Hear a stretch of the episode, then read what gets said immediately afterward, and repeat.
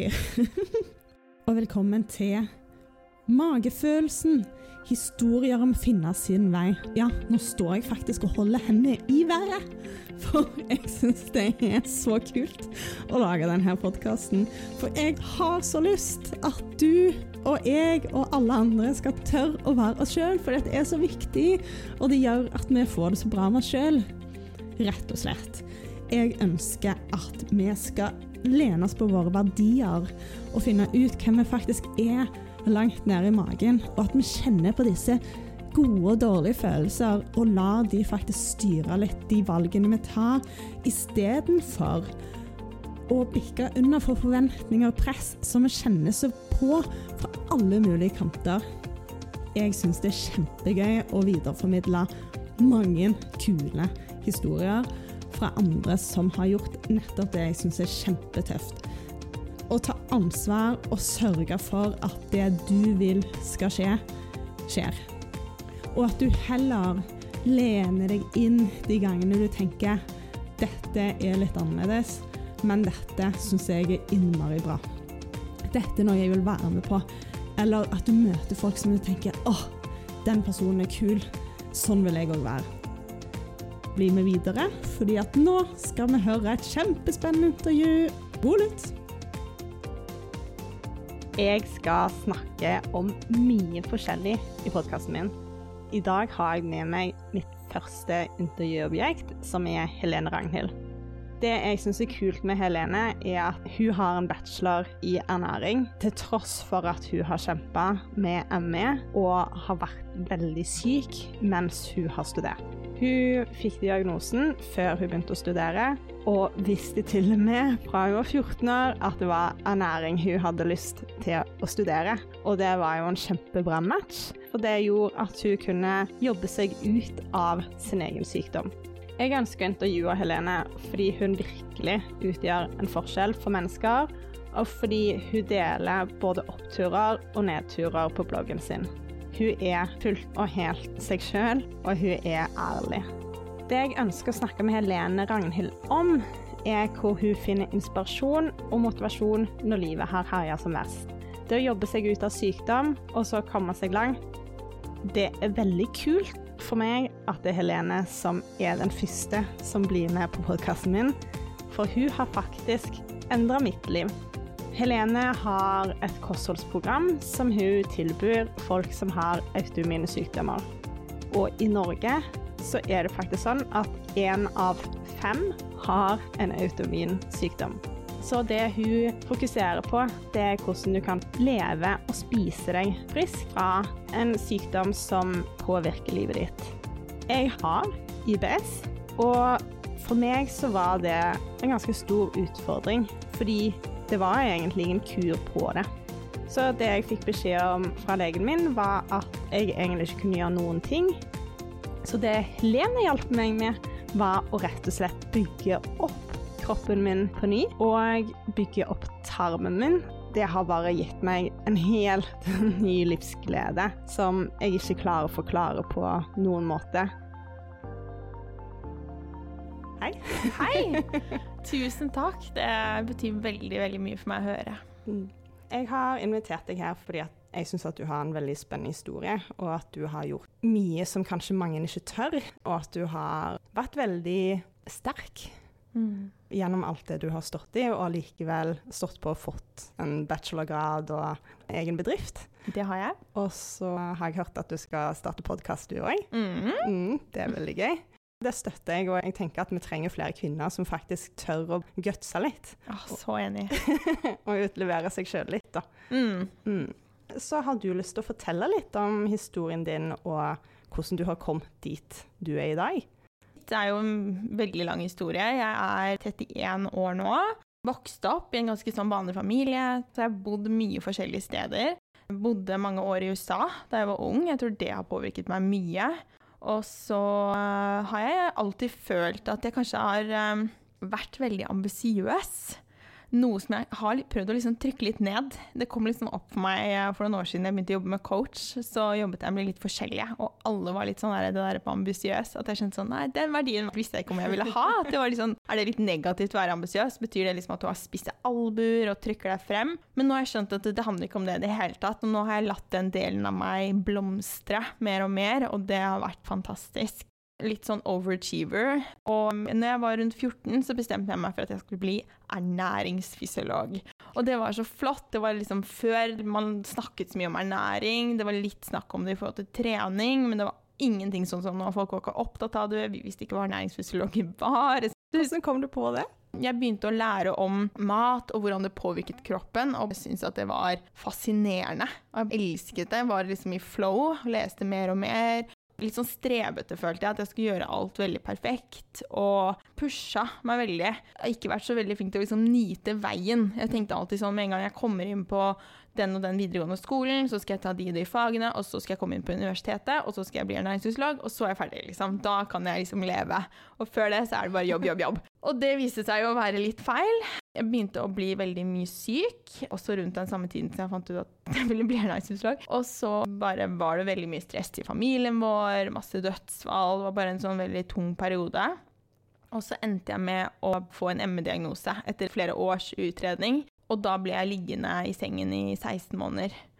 Så da gikk jeg jo fra å være en som trente masse, som gjorde masse bra på skolen, til å få til mindre og mindre og mindre. Og du kan tenke deg, når man er veldig opptatt av å få til ting i livet, så var jo det litt sånn krise seg selv. Klarte ikke å konsentrere meg. Ja, så når jeg endelig fikk diagnosen, så var egentlig det bare deilig. For da kunne jeg endelig bare legge meg ned og slappe av, og da ble jeg jo liggende. Altså, vi hadde dusjkrakk hjemme, jeg hadde rullestol, sånn at jeg kunne ta meg en tur ut med mamma og pappa. Cirka en gang i uka var jeg vel ute etter hvert, sånn hos leger og sånne ting, og så kunne jeg gjøre litt mer etter hvert. Det var det som var livet mitt, var liksom ligge i sengen, og jeg ble sliten av å gå på do, altså bare gå til toalettet, når det var kanskje 30 sekunder å gå. Så veldig, veldig langt fra det livet jeg levde før, og veldig langt fra det livet jeg lever nå, så veldig fjernt å tenke på. Og så har jeg jo hatt ME i mange, mange år. Og vært både bedre i perioder og dårligere i perioder. Hadde liksom ett stort tilbakefall. Og da begynte jeg også å studere ernæring. Altså, jeg tror at veldig mange av oss har litt sånn sorger i livet. Ting vi ikke har fått til, ting som ikke har blitt sånn som vi har sett for oss. Og for meg så var det veldig lenge dette at jeg ikke ble klinisk ernæringsfysiolog. At ikke det ble min vei. Jeg har ikke den tittelen. Og det har jeg alltid kjent på, litt som en sånn svakhet. Fordi jeg valgte å heller ta en bachelor over nett, sånn at jeg kunne studere hjemmefra og fra senga. Det ble liksom løsningen min for å komme dit jeg ville. Men nå kjenner jeg virkelig at det er en styrke for meg, fordi at jeg er ikke bundet til noe sett med råd. Jeg kan være meg og være fri og dele det jeg vil, og blande det personlige og kunnskapen min, og det trives jeg veldig godt med. Så parallelt med at jeg studerte, så var jeg bare så dypt inn i ernæring og leste så mye forskning. Jeg hørte på tusenvis av timer med podkast. Liksom. Hver eneste dag hørte jeg på masse forskjellig og leste, og fant ut veldig mye av de tingene vi kanskje ikke lærte på skolen. Altså veldig mye hvordan. Vi lærer jo ofte sånn du skal så så mye gram av det og så så mye prosent av det, og det blir jo veldig fjernt fra maten vi spiser og hvordan vi spiser. Så hadde vi jo litt om tarmen og oppbygningen og sånn, men veldig lite om hvordan spise for tarmen. Det var mye sånn fjern disse tingene. Har du forstoppelse, spis mer av disse tingene. Og det var det. Og jeg så jo at de rådene funket jo ikke på meg eller på andre jeg leste om. Så jeg fant til slutt min vei, og jeg ble frisk. Kombinere kosthold sammen med å jobbe mentalt. Som er veldig, veldig vanskelig å forklare, men jeg pleier å si at jeg gikk opp noen nye stier i hjernen min. Kroppen min var frisk. Jeg var jo på ME-senteret når liksom jeg hadde vært syk i veldig mange år, og da sa han jo at dette er nok noe du må leve med. Men du er på papiret den friskeste pasienten jeg noen gang har hatt. Alle verdiene dine er så bra. Altså, dette er amazing, men du er jo syk. Du har jo ME. Dessverre. Og da var det akkurat som jeg bare Det der kan ikke stemme, liksom. Jeg drikker grønnsaker til frokost, sa jeg bare. Hvorfor blir jeg ikke bedre? Og da tror jeg at det var rett og slett som at hjernen min bare fortsatte å skape inflammasjon og skape disse stressresponsene i kroppen min. Vi vet jo ikke hva ME er, og det er mye kontroverser rundt det. Min teori på det er jo at folk ikke blir trodd. Mm. Det at man ikke blir møtt med at ja, dette er vanskelig for deg, men at man heller blir mistenkeliggjort at legen din eller naboen din eller folk hvisker og tisker om deg, det gjør jo at du må gå i krigen for å forsvare at du ikke føler deg bra. Og det gjør også noe med deg når du da leser en sånn solskinnshistorie eller får den på en PM på Instagram fra en bekjent, så blir man litt sånn her Åh, tror du ikke jeg har prøvd? Jeg prøver alt, og det har jeg så respekt for. Men vi er ikke like, og jeg har for mange av de gladhistoriemeldingene, da. Som du sier også, ikke sant, at det, det påvirker å dele, så jeg kan ikke ikke dele selv om noen blir sinte. Ja. Etter at jeg ble frisk, så ble jeg jo til slutt ferdig på skolen, og det var så gøy, og det nådde det målet. Og da startet jeg jo for meg selv. Der er jeg jo nå, da jobber også byggebedriften min og koser meg med det. Det er vel litt min historie å komme til litt mer den hverdagen jeg har nå, da. Jeg syns at du har vært veldig inspirasjon rundt det å faktisk bli frisk fra automine sykdommer, som jeg òg har. Hvor leger veldig ofte møter deg med at vi vet ikke hva dette er, og det er ingenting du kan gjøre. Du kan prøve Foodmap-programmer som gjør at du er verdens kjipeste person, og det er så stressende å leve. Ja. Fordi at hvis du skal være sosial, så er det jo ingenting du kan spise tidvis. Så det har jeg syntes bare vært helt fantastisk. Og du er jo en av mange som heldigvis fokuserer på dette på mer globalt plan. I Norge så syns jeg at det er mindre av det. Mm. Jeg òg hører veldig mye på internasjonale podkaster og ser at det begynner å florere. Og Mm. jeg har så stort håp om at det blir mye mer utbredt med tiden. For meg så har det virkelig endra livet mitt. da. Mm. Mm. Så selv om du har en helt annen historie enn meg, så forstår jeg veldig hvor viktig det har vært. Mm. Mm. Har du hatt noen i livet som du har sett opp til, og som har på en måte inspirert deg litt ekstra?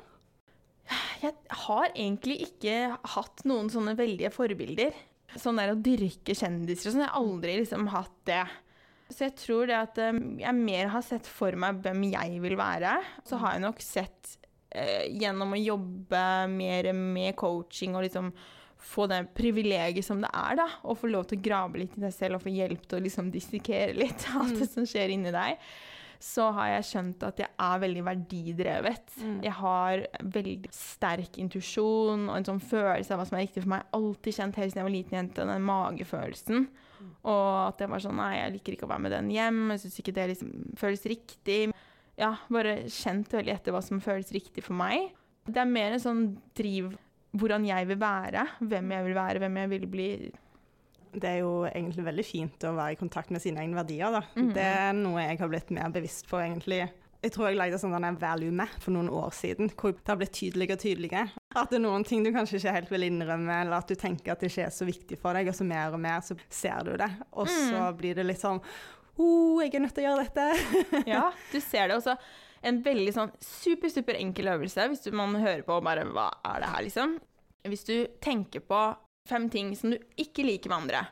For eksempel, du liker ikke folk som skryter. Ikke sant? Det betyr jo at du kanskje er litt mer humble, i mangel av bedre ord. Ydmyk. Eller hvis du ikke liker eh, mennesker som er uærlige, ikke sant? så betyr det at du er veldig ærlig. Eller altså, hvis du ikke liker at folk holder igjen, så er du mer åpen. Så det syns jeg er en veldig sånn fin øvelse. For det er sånn når du bare blir sånn åh, jeg liker ikke når den sier sånn. Du får deg til å føle deg litt ubekvem, Ja, kanskje. at det er liksom kilt. Og si at du er veldig sånn åh, familie er alt for meg, men så bruker du ingen tid med familien. Det er veldig sånn klassisk at folk bare min kjerneverdi er familie, eller sånn helse, da. Sånn, ja, men ok, hvorfor behandler du kroppen din så dårlig når det Mm. egentlig er din verdi? Og når man lever på tvers av sine ambisjoner, det er veldig ubehagelig. Mm. Så når du blir kjent med liksom, hva du egentlig vil, så blir det veldig mye lettere å ta gode valg. Mm. Og lettere å spise sunt eller trene eller være et godt menneske eller hva enn du vil, da. Det handler vel i stor grad om hva du ender opp med å prioritere. Fordi at eh, Jo eldre du blir, jo mindre tid har du. Fordi at du har jobb og du har kjæreste, og plutselig har du barn. Og da kan verdiene kanskje hjelpe deg med å finne tid til Mm. det som faktisk du ønsker å bruke livet på, Mm. istedenfor det alle andre kanskje dytter på deg. Det har jeg merket. Absolutt. Ja, fantastisk. Det er kjempe, kjempeviktig. Og i hvert fall nå i sosiale medier, hvor man kan bli veldig sånn Å ja, jeg burde kanskje meditere, og så bare Nei, men kanskje ikke det er for deg. Altså, du trenger ikke å føle at du må gjøre alt fordi at andre gjør ting. Mm. Må ikke si det til kjæresten min, da. Prøver du å få han til å meditere? Nei. Nei. Han har ikke fritt valg. Nei. Alle andre. Alle andre har det. Nei, de må vi jo prøve å endre på. Så hvordan tror du at verdiene dine har påvirka valgene du har tatt, og hvordan påvirker det hverdagen din? Altså, jeg er veldig selvstendig, og det har nok påvirket måten jeg har studert. Altså, helt siden jeg var liten, så var jeg så frustrert, så jeg satt og gjorde lekser i timen. Læreren min var sånn 'Len, gjør lekser i timen' til mamma. Og mamma bare 'Ja, men hvorfor det?' liksom? Det kjedet meg jo, ikke sant. Det var sånn 'Det går for tregt', da vil jeg liksom få unnagjort. Men det var jo ikke greit.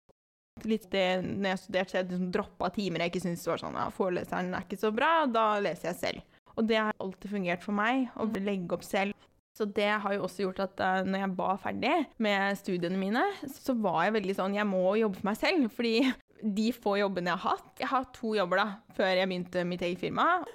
Og da var jeg sånn Å, hvorfor gjør vi det ikke sånn? ikke sant? Og bare Ja, kan vi ha liksom juleverksted? Og de bare var sånn Ja, altså uh, Så jeg vil liksom alltid gjøre ting på min måte, og jeg vil bestemme. Jeg vil være sjefen. Som også er litt sånn øh, Skal man si det høyt? Men ja, det skal man jo. Og så da var det liksom ikke noe valg om å starte for seg selv, sånn sett, fordi jeg kunne aldri jobbet i et firma og jeg måtte si visse ting, eller spille ting på en måte som at et produkt ble senest bra ut. Altså, jeg vil bare dele det jeg vil. Og det er jo en av grunnene til at jeg også har gått bort fra annonser, sånne ting, også, fordi jeg vil bare dele det jeg liker. Mm. Hvem jeg er, da, og hva jeg står for, det er jo min integritet det er på en måte min viktigste ressurs Mm. i min bedrift. Så hvis folk begynner å være sånn å ja, ok, du bare hopper fra produkt til produkt, da har jeg ingenting.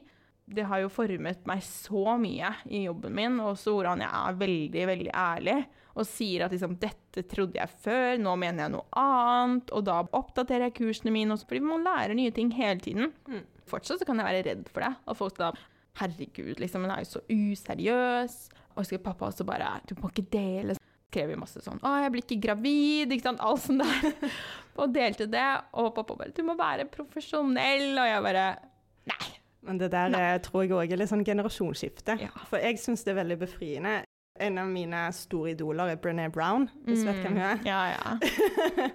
og jeg òg har alltid verdsatt veldig folk som er ærlige, og som deler, og som tør å ikke være perfekte. Og selv om jeg hører jo at du er veldig opptatt av å gjøre det bra, det å allikevel bare være litt sånn Jeg fikk ikke det til. Mm. Men det er ikke dermed sagt at du ikke er et bra menneske. Det Mm. betyr bare at du er menneskelig, og at du faktisk hjelper andre til å forstå at det er mange som står i samme situasjon, Mm. og at det er mulig å komme seg ut av sånne situasjoner òg, så lenge du jobber og prøver løsningsorientert. Ja. Det det. Og alt har to sider, sånn som f.eks. det å være veldig opptatt av å gjøre ting bra. Det har jo også pusha meg så mye i livet. Det har jo pusha meg for hardt. Men det har også gjort at jeg kan være redd for å gjøre ting dårlig, som gjør at jeg da ikke tør å f.eks. starte en podkast. Mm. Fordi jeg tenker sånn Hva hvis folk ikke liker den? Hva hvis ingen hører på den? Altså jeg kan tenke at Hvis jeg hadde sagt sånn Jeg lager et event i Oslo. Hva hvis ingen kommer? Og så vet jeg jo at mange ville kommet egentlig, fordi jeg har så mange fine følgere. Likevel så er den stemmen der som sier det. Og jeg kan være redd for å typ, sparke en fotball, da. Fordi jeg er dritdårlig i fotball. Og så er jeg redd for at folk skal tenke at jeg er dårlig i fotball. Ja. Selv om jeg ikke engang bryr meg om det. Så alt har jo positive og negative ting, tenker jeg. At liksom det å være, ha en verdi ikke sant? Noen ganger så er jeg for ærlig. Altså, Ja. Man kan bare spille litt på det på den måten òg. Mm. Det er veldig gøy, for jeg er ikke en person som egentlig bryr meg så mye om hva folk tenker om meg, har jeg trodd. Trodde alle. Og så kjørte jeg hjem fra hytta her om dagen, og så lå det en bil rett bak meg. Og da merket jeg at jeg ble så opptatt av hvordan jeg kjørte, og tenkte at han satt og analyserte hvordan jeg kjørte. Så sinnssykt teit. Ja, ja. liksom, han sitter jo og kjører, og jeg følger jo aldri med på de som kjører foran, med mindre de kjører som noen idioter og du blir litt bekymra, liksom. Det er sikkert at alle har sine greier, som de bare blir veldig opptatt av, og tenker at alle andre observerer de, da. Mm, Jeg tror det å være bevisst på det er kanskje en styrke. mm. Jeg prøver å utfordre meg sjøl til å ikke fokusere så mye på alle andre rundt, og bare gjøre min greie likevel. Det er kjempeviktig, og jeg har så mange opplevelser på akkurat sånne ting. Og også f.eks. det at ting jeg deler i sosiale medier. Jeg fikk noen kommentarer innad i familien om at liksom det var litt too much. da. Og så spurte jeg svigerforeldrene mine, fordi jeg følte som tenker de det om meg? De tenker sikkert sånn at jeg deler altfor mye fra livet vårt, og om den prosessen å få barn og sånn. Og de bare 'Å ja, nei, vi har valgt å ikke følge deg i sosiale medier. Vi vil bare kjenne deg som Helene.' Og jeg bare Oi, tenk om jeg ikke hadde spurt, ikke sant? Og så går jeg og tenker sånn, herregud, er de på denne livesendingen, ikke sant? Ja, det er så mye sånn, folk er ikke nødvendigvis så opptatt av deg, de ser ikke alt du gjør, og etter at jeg fikk lykke, så har jeg jo også vært med mange nye mennesker som jeg har møtt gjennom henne. Og jeg bare sier hva jeg driver med, så er de sånn Gud, så spennende! Og det, det har virkelig vært en sånn opplevelse hvor jeg bare Wow, jeg kan bare være meg. Fordi folk syns det er bra nok. Og ja, jeg møter ikke på så veldig mange som bare Herregud, liksom, så sykt teit. Da tenker jeg sånn, de får tenke det for seg selv, da, sikkert. Men Ja. kanskje det ikke engang fins. Ja. Det er jo det, man vet ikke. Hva opplever du har vært utfordrende i livet, og kanskje fremdeles utfordrende? Oi, det er så mye. Hvor skal jeg starte? Det har tatt mye plass i livet mitt, det med sykdom. Det har ikke vært sånn strak av veien. Så har jeg lært så mye av det, og det har jo fått meg hit. Ikke sant? Altså, hvem vet hvor jeg hadde vært hvis jeg ikke hadde vært syk? Men en ting som jeg syns har vært utrolig utfordrende, som jeg har snakket litt om, som også er en av de tingene jeg uh, gjennom terapi kan snakke om, er at uh, da søsteren min ble syk Vi var begge 18 år gamle når vi ble syke, hun er fem år yngre enn meg. Så fikk hun kreftdiagnose. Og da så jeg Det var som en sånn bølge som kom opp meg av hvordan hun ble møtt i forhold til meg. Og da snakk om å ikke leve ut verdiene sine. For da syntes jeg det var vanskelig å være rundt henne, vanskelig å støtte henne. Det var så forskjell. Jeg så at venner av mamma og pappa trakk seg unna når jeg ble syk. De skjønte ikke hva det var. og Det var liksom sånn, det er sikkert bare sånn ungdom som vil ha oppmerksomhet, alt mulig sånn. Og mamma og pappa måtte verne veldig om da, den situasjonen. Mens når hun ble syk, så var det sånn folk bare Kan vi komme og vaske huset? Kanskje hun ønsker seg en iPad? Altså, det var så mye hjelp. Det var jo bare privat. Det offentlige også var jo noe helt annet. Og jeg følte da at eh, det var veldig urettferdig, og syntes at det var veldig vanskelig å se hvordan hun fikk all oppmerksomhet. Og da var jo jeg fortsatt syk på det tidspunktet. Jeg tror du må liksom ha opplevd en sånn diffus sykdom som ikke folk helt skjønner, for å kjenne deg igjen i det. Som igjen gjør at jeg har fått de meldingene hvor folk bare sammenligner du det. Og liksom, hvis man har mistet noen i kreft og sånn, selvfølgelig ser man det på den måten. Og jeg ser det nå. Men når jeg satt i det, så føltes det ikke sånn. Jeg husker at jeg liksom sa også at ja, jeg hadde gledelig gitt mitt hår for å bli frisk. Bare heier sånn på å gå til psykolog, fordi da sa han bare Men du har opplevd en eh, reell urettferdighet. Og da var jeg bare sånn Da kunne jeg bare slappe av. bare ja. Da trengte ikke jeg å kjempe den kampen. Akkurat som når du har en sykdom som ikke syns, så må du på en måte kjempe en kamp hele tiden. Men når noen ser deg, så trenger du ikke det lenger. Så det har vært en, en stor utfordring. Det å ikke kanskje bli møtt på en ordentlig måte i de tingene du har. Men jeg har lært veldig veldig mye om det, og en av de tingene som har hjulpet meg veldig i alle forskjellige ting jeg har opplevd, sånn når du sitter med en sorg, og det er det å ikke sammenligne sorg. Fordi det vil alltid være sånn at noen har hatt det verre, og det vil alltid være sånn at noen har hatt det bedre, men det viktigste er at du har din opplevelse. Og du hadde kanskje sett for deg hvordan noe ble, og det ble ikke sånn som du tenkte, da. Og det har bare hjulpet meg så mye i livet mitt. Det har vært wow for meg. Det forstår jeg godt, og jeg forstår jo òg den følelsen midt oppi det. For på det tidspunktet så visste ikke kanskje du at du kom til å bli frisk. Nei, det er helt sant. Så det å leve med en sånn sykdom kanskje i mange, mange år Altså du kan ikke sammenligne diagnoser. Ja, pappa sa jo det, og det tror jeg ble sånn litt slogan for ME-foreningen. Det med at eh, ME tar ikke livet av deg, men det tar livet ditt. For veldig mange så tar det veldig mange år som er veldig viktige, og det er liksom litt den der at det er lov å kjenne på at eh, jeg aldri studerte i utlandet, ikke sant. Jeg var liksom hjemme og veldig sånn Jeg måtte ta mange oppgjør med meg selv, men igjen så har jeg alltid vært litt sånn fighter. Altså etter at jeg var hjemme i halvannet år, når jeg lå når jeg ble bedre, så merket jeg at jeg syntes det var veldig ekkelt å være rundt mange mennesker. Jeg var ikke vant til det. ikke sant? Jeg hadde bare vært hjemme. Så kan du tenke deg. Det var liksom nå eh, korona kom, bare gange mange, mange mange måneder. Og så da var jeg sånn OK, men jeg kan ikke leve et sånt liv hvor jeg ikke orker å være rundt folk. Så da tok jeg bussen, og så dro jeg på Oslo S, og så gikk jeg rundt. Og gikk og gikk, bare kjente at folk liksom kom bort til meg med ting, og bare var sånn Her er det mange mennesker, og det går bra. Altså jeg var veldig sånn Jeg skal overkomme ting. Og det er nok litt den der fighteren i meg som kommer frem. Høres veldig fornuftig ut. Ja, ja det funka, det. Det gjør det. I en ideell verden, er det noe du hadde ønsket at mennesker eller samfunnet gjorde mer, sånn at du kunne være den du virkelig er? Jeg skulle ønske at vi var mer åpne.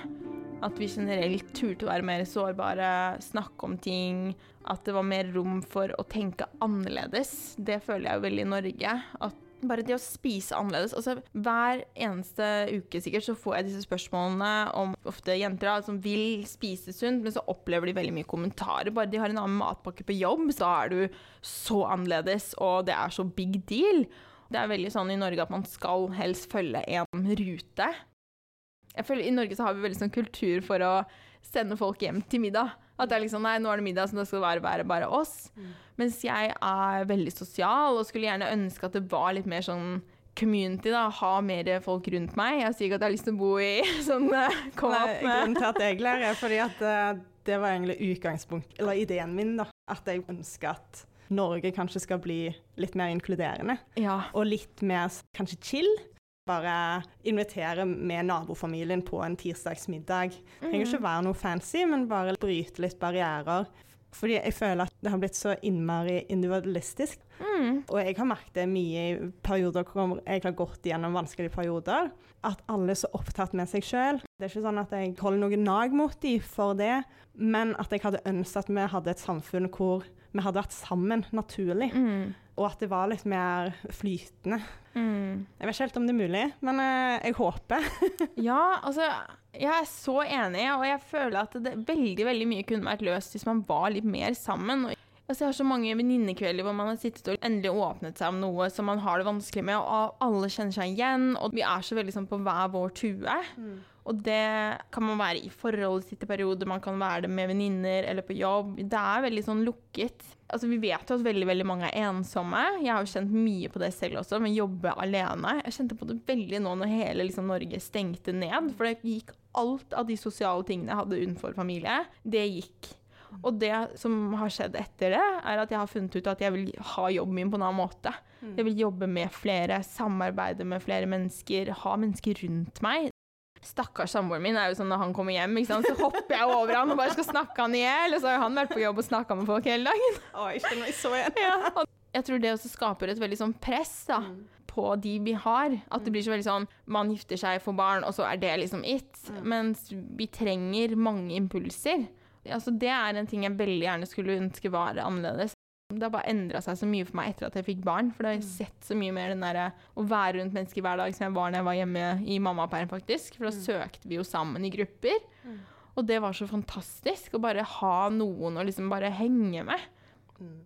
Jeg er ikke religiøs sjøl, men det er faktisk en ting som jeg virkelig beundrer med religioner. De har veldig mye sosialt, hvor veldig mange ulike mennesker møtes altså, Det eneste de har til felles, er egentlig at, at, de er religiøse, da, men så gjør de så mye annet i tillegg. Jeg har sett hvordan de opplevde det å flytte mellom en by til en annen, og, og hvordan folk tok så veldig vare på mm. dem. da. Og det har jeg faktisk ikke sett noen annen plass. Mm. Det er ikke det at folk trenger å bli religiøse, men kanskje hente tilbake samholdet. Ja, vet du hva? det er akkurat det jeg har faktisk tenkt masse på. Mm. Jeg er heller ikke personlig veldig religiøs, men jeg tenker at det kunne vært verdibasert mm. også. Ha den der samlingen, for det er vel egentlig det, det mye det går på også, tror jeg. Liksom, at man har de samme verdiene, mm. og at man liker å samles og gjøre ting sammen. Vi har jo også kommet veldig langt fra disse tingene, så det er et sånn nødvendig onde å lage mat. Det er jo ting jeg irriterer meg mye over, da, at folk er sånn Ja, men jeg må lage mat på null minutter da kan du ikke forvente å få veldig god helse. Nei. Fordi at det, det, går ikke, og det er ikke sånn kroppen vår er ment å leve. Jeg husker jo mamma alltid sa at alle barna i nabolaget lekte sammen. Liksom, og. I alle aldre. Og man hadde med liksom de helt små, og de eldste tok vare på de helt små. Og det var bare sånn det var. Mm. Mens nå er vi veldig lukka. Ja. Man går litt kveldstur og liksom titter inn hos andre og lurer på hvordan folk har det. Så jeg at mm. Man er sånn utenfor. Og ja, jeg skjønner jo at ikke alle kan kjenne alle, men sånn mer åpenhet og mer den der mentaliteten, mm. det kan jeg skjønne. Mm. Jeg tror kanskje folk har blitt litt mer bekymra. Tror du det er noen vei rundt, sånn at vi blir litt mer avslappa? Vi har jo fjernet oss veldig mye fra å være sammen oss in real life. Vi er jo veldig mye sammen via mm. alt fra spill til sosiale medier, ikke minst. Ja. Så det er jo kjempespennende nå mm. å se den utviklingen. Hvordan blir man sosialt hvis man bare kjenner hverandre via skjermer? Det ja, blir jo ikke det samme. Nei. Så der har jo vi foreldre en skikkelig jobb å gjøre. Mm. å være de strenge på det med skjerm. Og særlig når det gjelder sosiale medier. Det er min største frykt når jeg får barn. Jeg ser for sjelden barn ute og leker, syns jeg. Mm, enig. Litt stille i gatene, tidvis. Mm, ja. Hvordan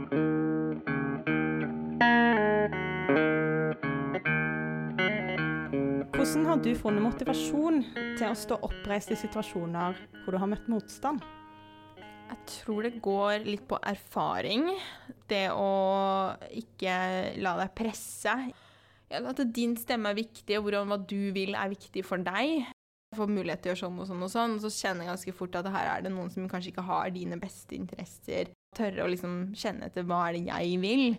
Så det handler nok mye om det å, å kjenne seg selv. Å være sånn forankret i verdiene sine og vite hva du vil. Og det blir jo uansett når du skal finne deg en kjæreste, eller om du skal finne deg en jobb, eller liksom uansett hva du skal, så handler det om å sette litt sånn grenser for deg selv. Mm. Er det noe folk rundt deg har gjort som har hjulpet deg til å finne motivasjon? Ja, altså jeg har alltid fått høre at jeg kan gjøre hva jeg vil og sånn hjemme. Mamma og pappa sa jo liksom at de kjente litt på siden både jeg og søsteren min um, har vært veldig syke. Så har det kanskje ikke vært helt sånn som vi ville. Men jeg kjenner at uh, det har egentlig kommet mer og mer. Jeg har alltid hatt veldig mye oppbacking hjemme. Altså, jeg måtte kjempe veldig for å få lov til å studere uh, ernæring. Jeg fikk jo hjelp fra Nav. Jeg kom jo og skulle snakke om det her, og så sa de egentlig sånn at du må finne et annet yrke. Og jeg var bare, bare sånn Det er som å be meg velge en annen mann ved alteret, liksom. Jeg bare Dette er jo min vei, jeg skal gjøre dette. Og de bare Nei, vi tror ikke du kommer til å klare å fullføre bachelor, du kommer i hvert fall ikke til å klare å ta master, du kommer aldri til å få jobb og klare å ha en jobb. Og da var vi sånn Nei, det her skal vi ikke gi oss på. Og så var det en eller annen som jeg skulle ønske jeg visste hvem var, som bare Ja, det her tror vi på, ikke sant? Og bare fikk den gavepakken, da, og få hjelp til å studere. Så når du har vært gjennom noen sånne runder, så ser du at det nytter å legge inn innsats. Og det har virkelig hjulpet meg. Og tidlig også i min karriere, når jeg startet, så fant jeg en coach som heter Gry Sinding, som har hjulpet meg enormt. Hun var liksom den som bare sådde liksom det frøet i meg. Og hun så hva jeg kunne få til, og backa meg helt enormt på det. Ved å f.eks. pushe og liksom tørre å stille de litt kritiske spørsmålene. Og etter at jeg begynte å henge med henne og jobbe med henne, og, og hatt en enorm sånn personlig utvikling, så sa også venninner at det hadde endret meg veldig mye. Oi. Fordi før så var jeg kanskje litt sånn, sånn dikkedara, litt lager over ting, ikke sant. Og så, nå er jeg mye mer sånn ja, men hva har du lyst til, da? Hvordan kunne du tenke deg at det var da? Ok, hva skal du gjøre med det da? Litt sånn. Og de bare jeg liker ikke. Men det er Det blir jo fantastiske samtaler av det. Det er jo da man virkelig er på tull, da, så kaller vi det på sånn truth friends. At man er de som liksom sier 'nå er du sånn', eller sånn 'ikke si sånne ting om andre'. Hvis man sier noen ting som egentlig ikke er helt deg, da så er det sånn nei, nei, men det, er, det kjenner meg ikke helt igjen at det er deg. Liksom, man må tørre å si ifra, istedenfor å bare sitte og jatte med. Det setter jeg enorm pris på. Mm. Føler du at det bare har vært enkelt å ta til seg sånn type måte å snakke på? Nei. Altså det å få liksom pekt ut da, og liksom skjønne dine egne mønstre, det er kjempetøft. Og det er også sånn hvis du skal virkelig liksom komme til bunns i altså veldig sånn, hvis du, hvis du klager på alle andre, og alle andre er problemet, så er det jo du som er problemet. Og litt den der, sånn som hvis folk skriver til meg sånn der Du får meg til å føle meg som en dårlig mamma fordi jeg orker ikke å lage all mat fra bunnen av, sånn, ikke sant. Og jeg bare Jeg får ikke deg til å føle noe som helst! Det klarer du fint selv! Ja. At vi har så masse triggere i oss. Mm. Og når du begynner å bli sånn obs på det, at liksom, Å, ting trigger meg, det er så spennende. Men det er veldig tøft å, å begynne å liksom ta ansvar. Men Mm. det er jo min veldig sånn kjepphest, det å ta ansvar for livet selv. Og jeg vet jo at jeg kunne helt fint fått ung ufør og fortsatt å være syk. Og jeg sier ikke at de som har unge ufør, har valgt å være syk, på noen måte. Men jeg føler veldig bevisst at jeg har klort meg fast og bare vært sånn Nei, jeg skal klare det. Da må du virkelig ta ansvar for alt. Og bare Nei, Helene, nå gjør du det der igjen. Og det sånn sier jeg til meg selv, at nå gjemmer du deg, eller nå, nå skylder du på andre. Vil en gang jeg er stressa, så skylder jeg på andre. Det kan være sånn 'Du glemte den bagen!' ikke sant? Hvis jeg er på vei ut, og sånn, og så bare «Øhm, 'Det var kanskje jeg som glemte den bagen'. altså, så bare når man ser sine egne mønstre, så blir det så mye lettere å ta din ansvarsdel av situasjonen. Det er veldig, veldig sjelden at man er et uh, rent offer, da. Mm. Jeg har uh, veldig troen på den måten å tenke på. Og opplever kanskje at jeg tidvis òg gjør det med andre som ikke er helt klar for å jobbe med seg sjøl, og at folk oppfatter meg kanskje som litt konfronterende. Ja. Har du opplevd det? Jeg har er du opplevd det, flinkere ja. enn meg til å formulere deg? Kommer litt etter hvert. Altså, jeg har hatt en sånn bølge, både når jeg oppdaget ernæring og bare Oh my god, ernæring kan gjøre alt.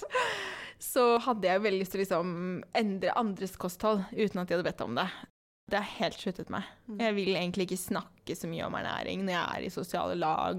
Jeg kan godt snakke om det med venninner og sånne ting, men jeg fokuserer på meg selv når det gjelder mat, og ingen andres mat, og kommenterer ikke på det andre velger, og da får jeg den samme respekten tilbake. Det har jeg kjempegod erfaring med. Men også det med coachinga, ja. Jobbe med seg selv. Og der er det jo den derre store leksen, da, at du kan ikke endre andre. Det er veldig hardt å innse, men dessverre så er det sånn, og du kan bruke veldig mye, jeg vet jeg har gjort det, brukt veldig mye energi på å prøve å endre andre, men det går ikke. Er det noe du har ønsket å gjøre i lang tid, og hvorfor har du ikke gjort det? Jeg har ønsket å gjøre ting større i firmaet. Ta det liksom opp et nivå, profesjonalisere, starte podkast, skrive bok. Det er så mange ting. Jeg tror jeg har tenkt at jeg må liksom vente på en slags tillatelse. Vente på at andre kanskje kontakter meg, og tenke at liksom Ja, men jeg er ikke den som gjør de tingene. Og den der stemmen som sier at liksom ingen kommer til å synes at det er bra, og ingen kommer til å kjenne seg igjen, eller synes at det er liksom flåsete eller kjedelig, alt sånt der. Det er det som har holdt meg mest tilbake. Denne frykten for hva andre vil tro om meg hvis jeg gjør ting. Og sånn derre Hvem tror du du er? Og det tror jeg har med meg helt fra jeg var veldig liten, fordi at jeg har bodd så mange år i USA som barn, og der er det veldig sånn You can do anything. Og mye mer sånn dyrking av barn enn i Norge. Når jeg flyttet tilbake, det eneste jeg ville, var å være som alle andre. Og det at vi hadde bodd utenlands og sånn, det var sånn så spesielt. Jeg ville bare være liksom jenta i gata. Men nå ser jeg jo den styrken det er. Og alle mennesker har jo våre styrker, og om vi får lov til å dyrke de, så er jo det så spennende og så gøy. Og jeg beundrer de som tør å virkelig satse på det de vil, og virkelig starte ting som de brenner for. Det syns jeg er så fantastisk. Og igjen, da blir jeg sånn Jeg vil også være sånn menneske. Så når jeg ser de mønstrene, så ser jeg mye mer uh, hvor jeg har lyst til å liksom pushe videre. Og nå føler jeg at jeg er i en sånn god sving med å pushe på litt og tørre å ta meg selv litt seriøst. Det har vært viktig. Tror du at fortiden din kan ha lagt seg som en liten frykt for å pushe seg sjøl for mye, eller har du andre frykter som sitter litt, som hindrer deg? Mm. Jeg tror at det er delt mellom frykten at det skal bli for mye for meg. ikke sant? Og det er det jo veldig mange rundt meg også som er redde for. At det er alltid den derre Du må ikke bli sliten. Og det er én ting, men jeg tror også det går på den at, at jeg fortsatt litt sånn inni meg tenker sånn at jeg bør bare være vanlig. At det er akkurat som det er et alternativ for meg. Og kanskje legge ned bedriften og bare få en vanlig jobb. Hva er det? vanlig jobb. Men bare ha den der at du går på jobb, og så er du ferdig, og så er du liksom opptatt av vanlige ting. altså, du skjønner sikkert hva jeg mener. Det Jeg kan jo eh, Jeg slutta jo jobben min to ganger. Eller det vil si, jeg sa opp jobben for et år siden fordi at jeg fant ut at jeg trengte å følge mine egne verdier. Jeg satt da i stillinger med egentlig en del påvirkningskraft, men hvor jeg følte at jeg ikke fulgte verdiene mine, og at jeg kanskje ble for økonomifokusert og styrt. da. For jeg jobbet med utvikling og så veldig mange ting som jeg tenkte hvis vi gjør sånn og sånn, så vil det påvirke veldig mange mennesker på en positiv måte. Og så sto det alltid om økonomi, sånn at prosjektene ble stoppa.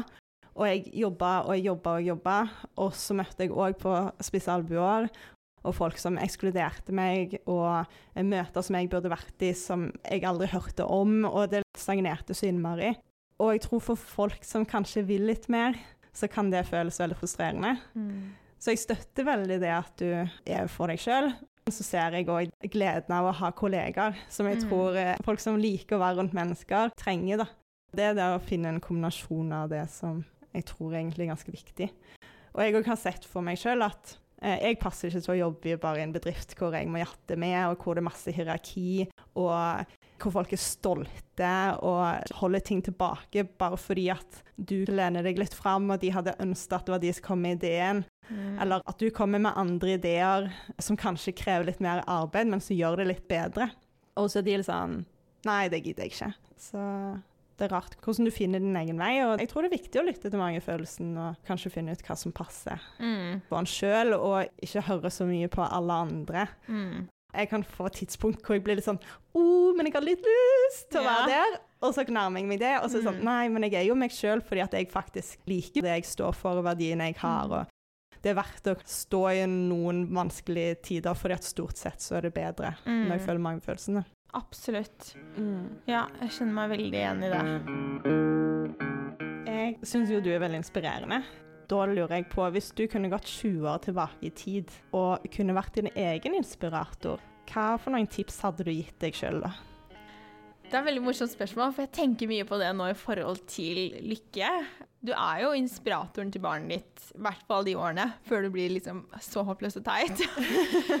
Det som er veldig viktig for meg å lære henne, er jo de tingene jeg gjerne skulle lært selv. Og det ene er jo å bare stole på magefølelsen din, og virkelig liksom stole på det at du er bra nok, og gå for det som du syns er gøy, og ikke tenke at du må være trygt. Ja, få støtte på det man tror på. Liksom du snakket om, da. Sånn som innen helse, så kan man liksom føle at man jobber mot en sånn enorm maskin av sykehus og leger og mennesker som er syke, og det er på en måte litt sånn sykepleie. Det er jo ikke helse. Selv om man kaller det for helsevesen, så er det jo ikke helsevesen. Jo ikke, de fronter jo ikke helse. De må hjelpe alle de som er syke. Og det er jo sånn systemet er lagt opp. Så hvis jeg er frustrert over hvordan mat er i barnehager i Norge, så er det jo ikke sånn at jeg da mener at barnehageansatte er dårlige til å ordne mat, men det er hele sånn hvordan vi ser på mat. Hvis jeg skal ta den på mine skuldre, at mennesker burde spist masse grønt, og de burde liksom vært ute og vært sosial og fri og liksom alt det der, da, da får jeg sånn at jeg kommer aldri til å klare det, og det, det tror jeg ikke heller at én person alene kan klare. Men jeg kan være en stemme som hjelper de som er klar, og som kommer litt sånn inn på det sporet, kanskje finner meg og hører sånn OK, det hørtes bra for meg, kanskje jeg kan endre litt, og så Wow, jeg i maten litt bedre, hva mer kan jeg gjøre, ikke sant? Så jeg møter jo så mange som er som meg. Selv om jeg ikke kjenner dem, så føler jeg jo Når vi treffes nå, så har vi jo så mye til felles. Og hadde ikke jeg delt, så hadde aldri det skjedd. Det å liksom da tørre å være hele seg, det er noe som er veldig, veldig viktig. Og så er det jo det å ta vare på kroppen sin. Fordi at jeg har brukt så mange år på å ikke like kroppen min, og på å jobbe mot den og virkelig liksom behandle den skikkelig stygt. Og det kan du ikke ta tilbake.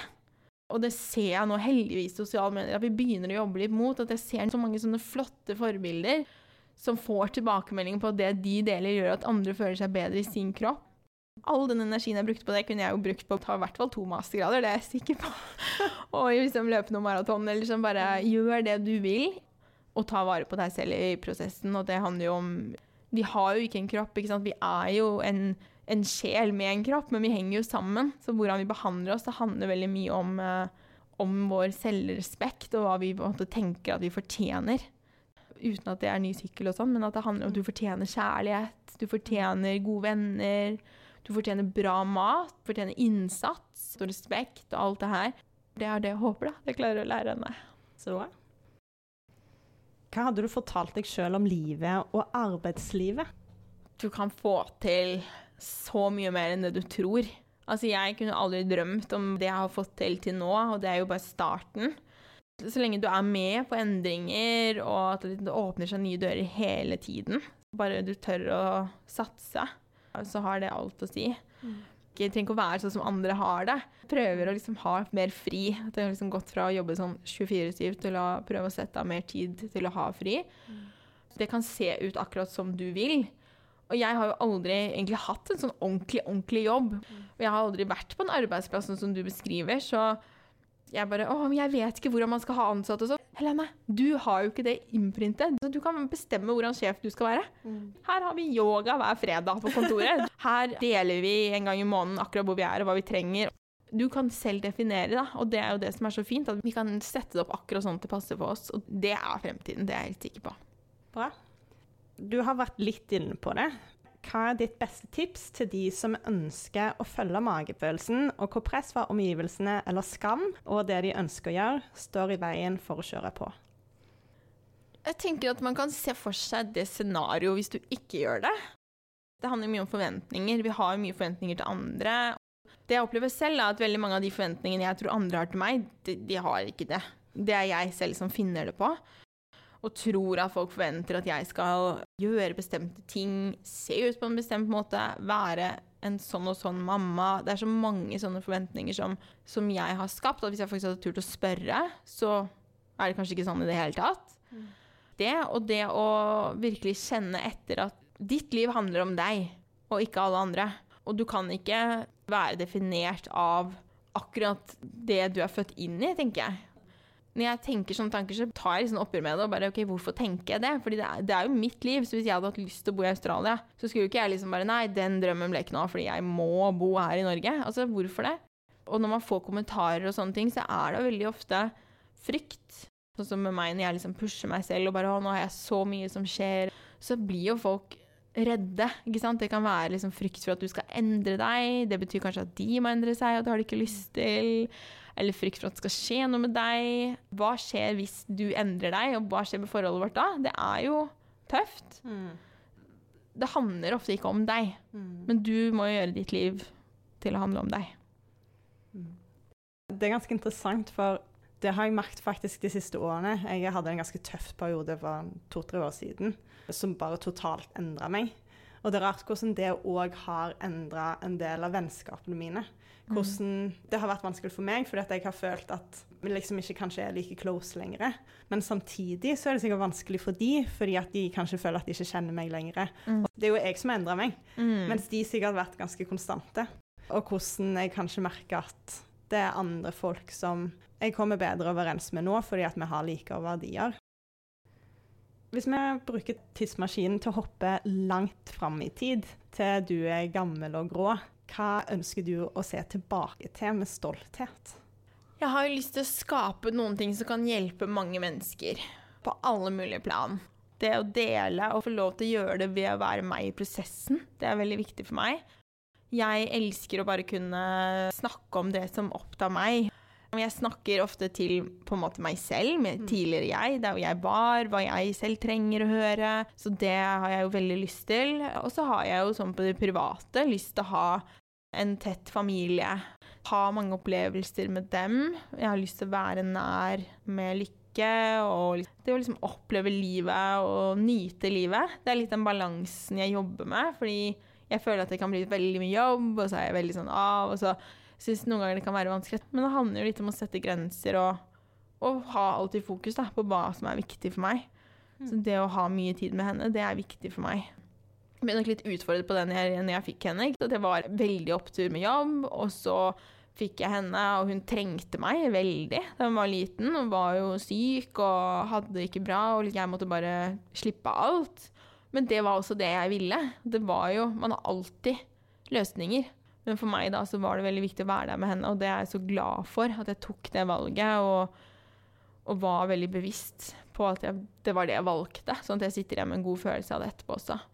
Så det å leve et bevisst liv hvor jeg på en måte får fortsette å utvikle meg, det syns jeg er kjempespennende. Hva er det pinligste du har opplevd? Ah, det tror jeg må være da jeg var ah, jeg vet ikke, Det var sikkert sånn sjette klasse eller sånn. Da hadde vi sånn danseoppvisninger, og så spjæret jeg buksa mi. og det var ikke sånn litt heller. Altså, det var så mye.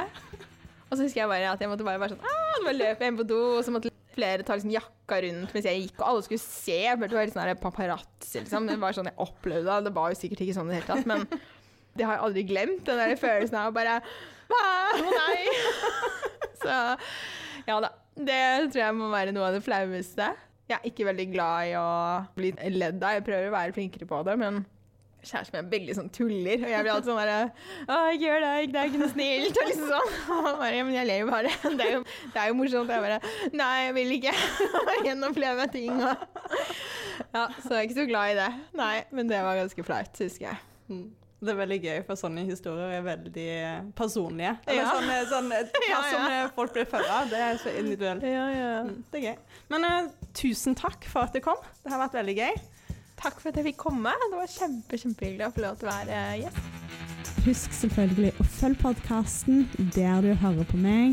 Gå gjerne inn på magefolelsen.com med O, og òg magefolelsen.podkast på Instagram. Der finner du meg, og der får du oppdateringer om nye samtaler som jeg har med mange spennende folk. Og så har jeg òg skrevet en del informasjon om min bakgrunn og min historie. Vi snakkes! Fire it's a fire fiery mind.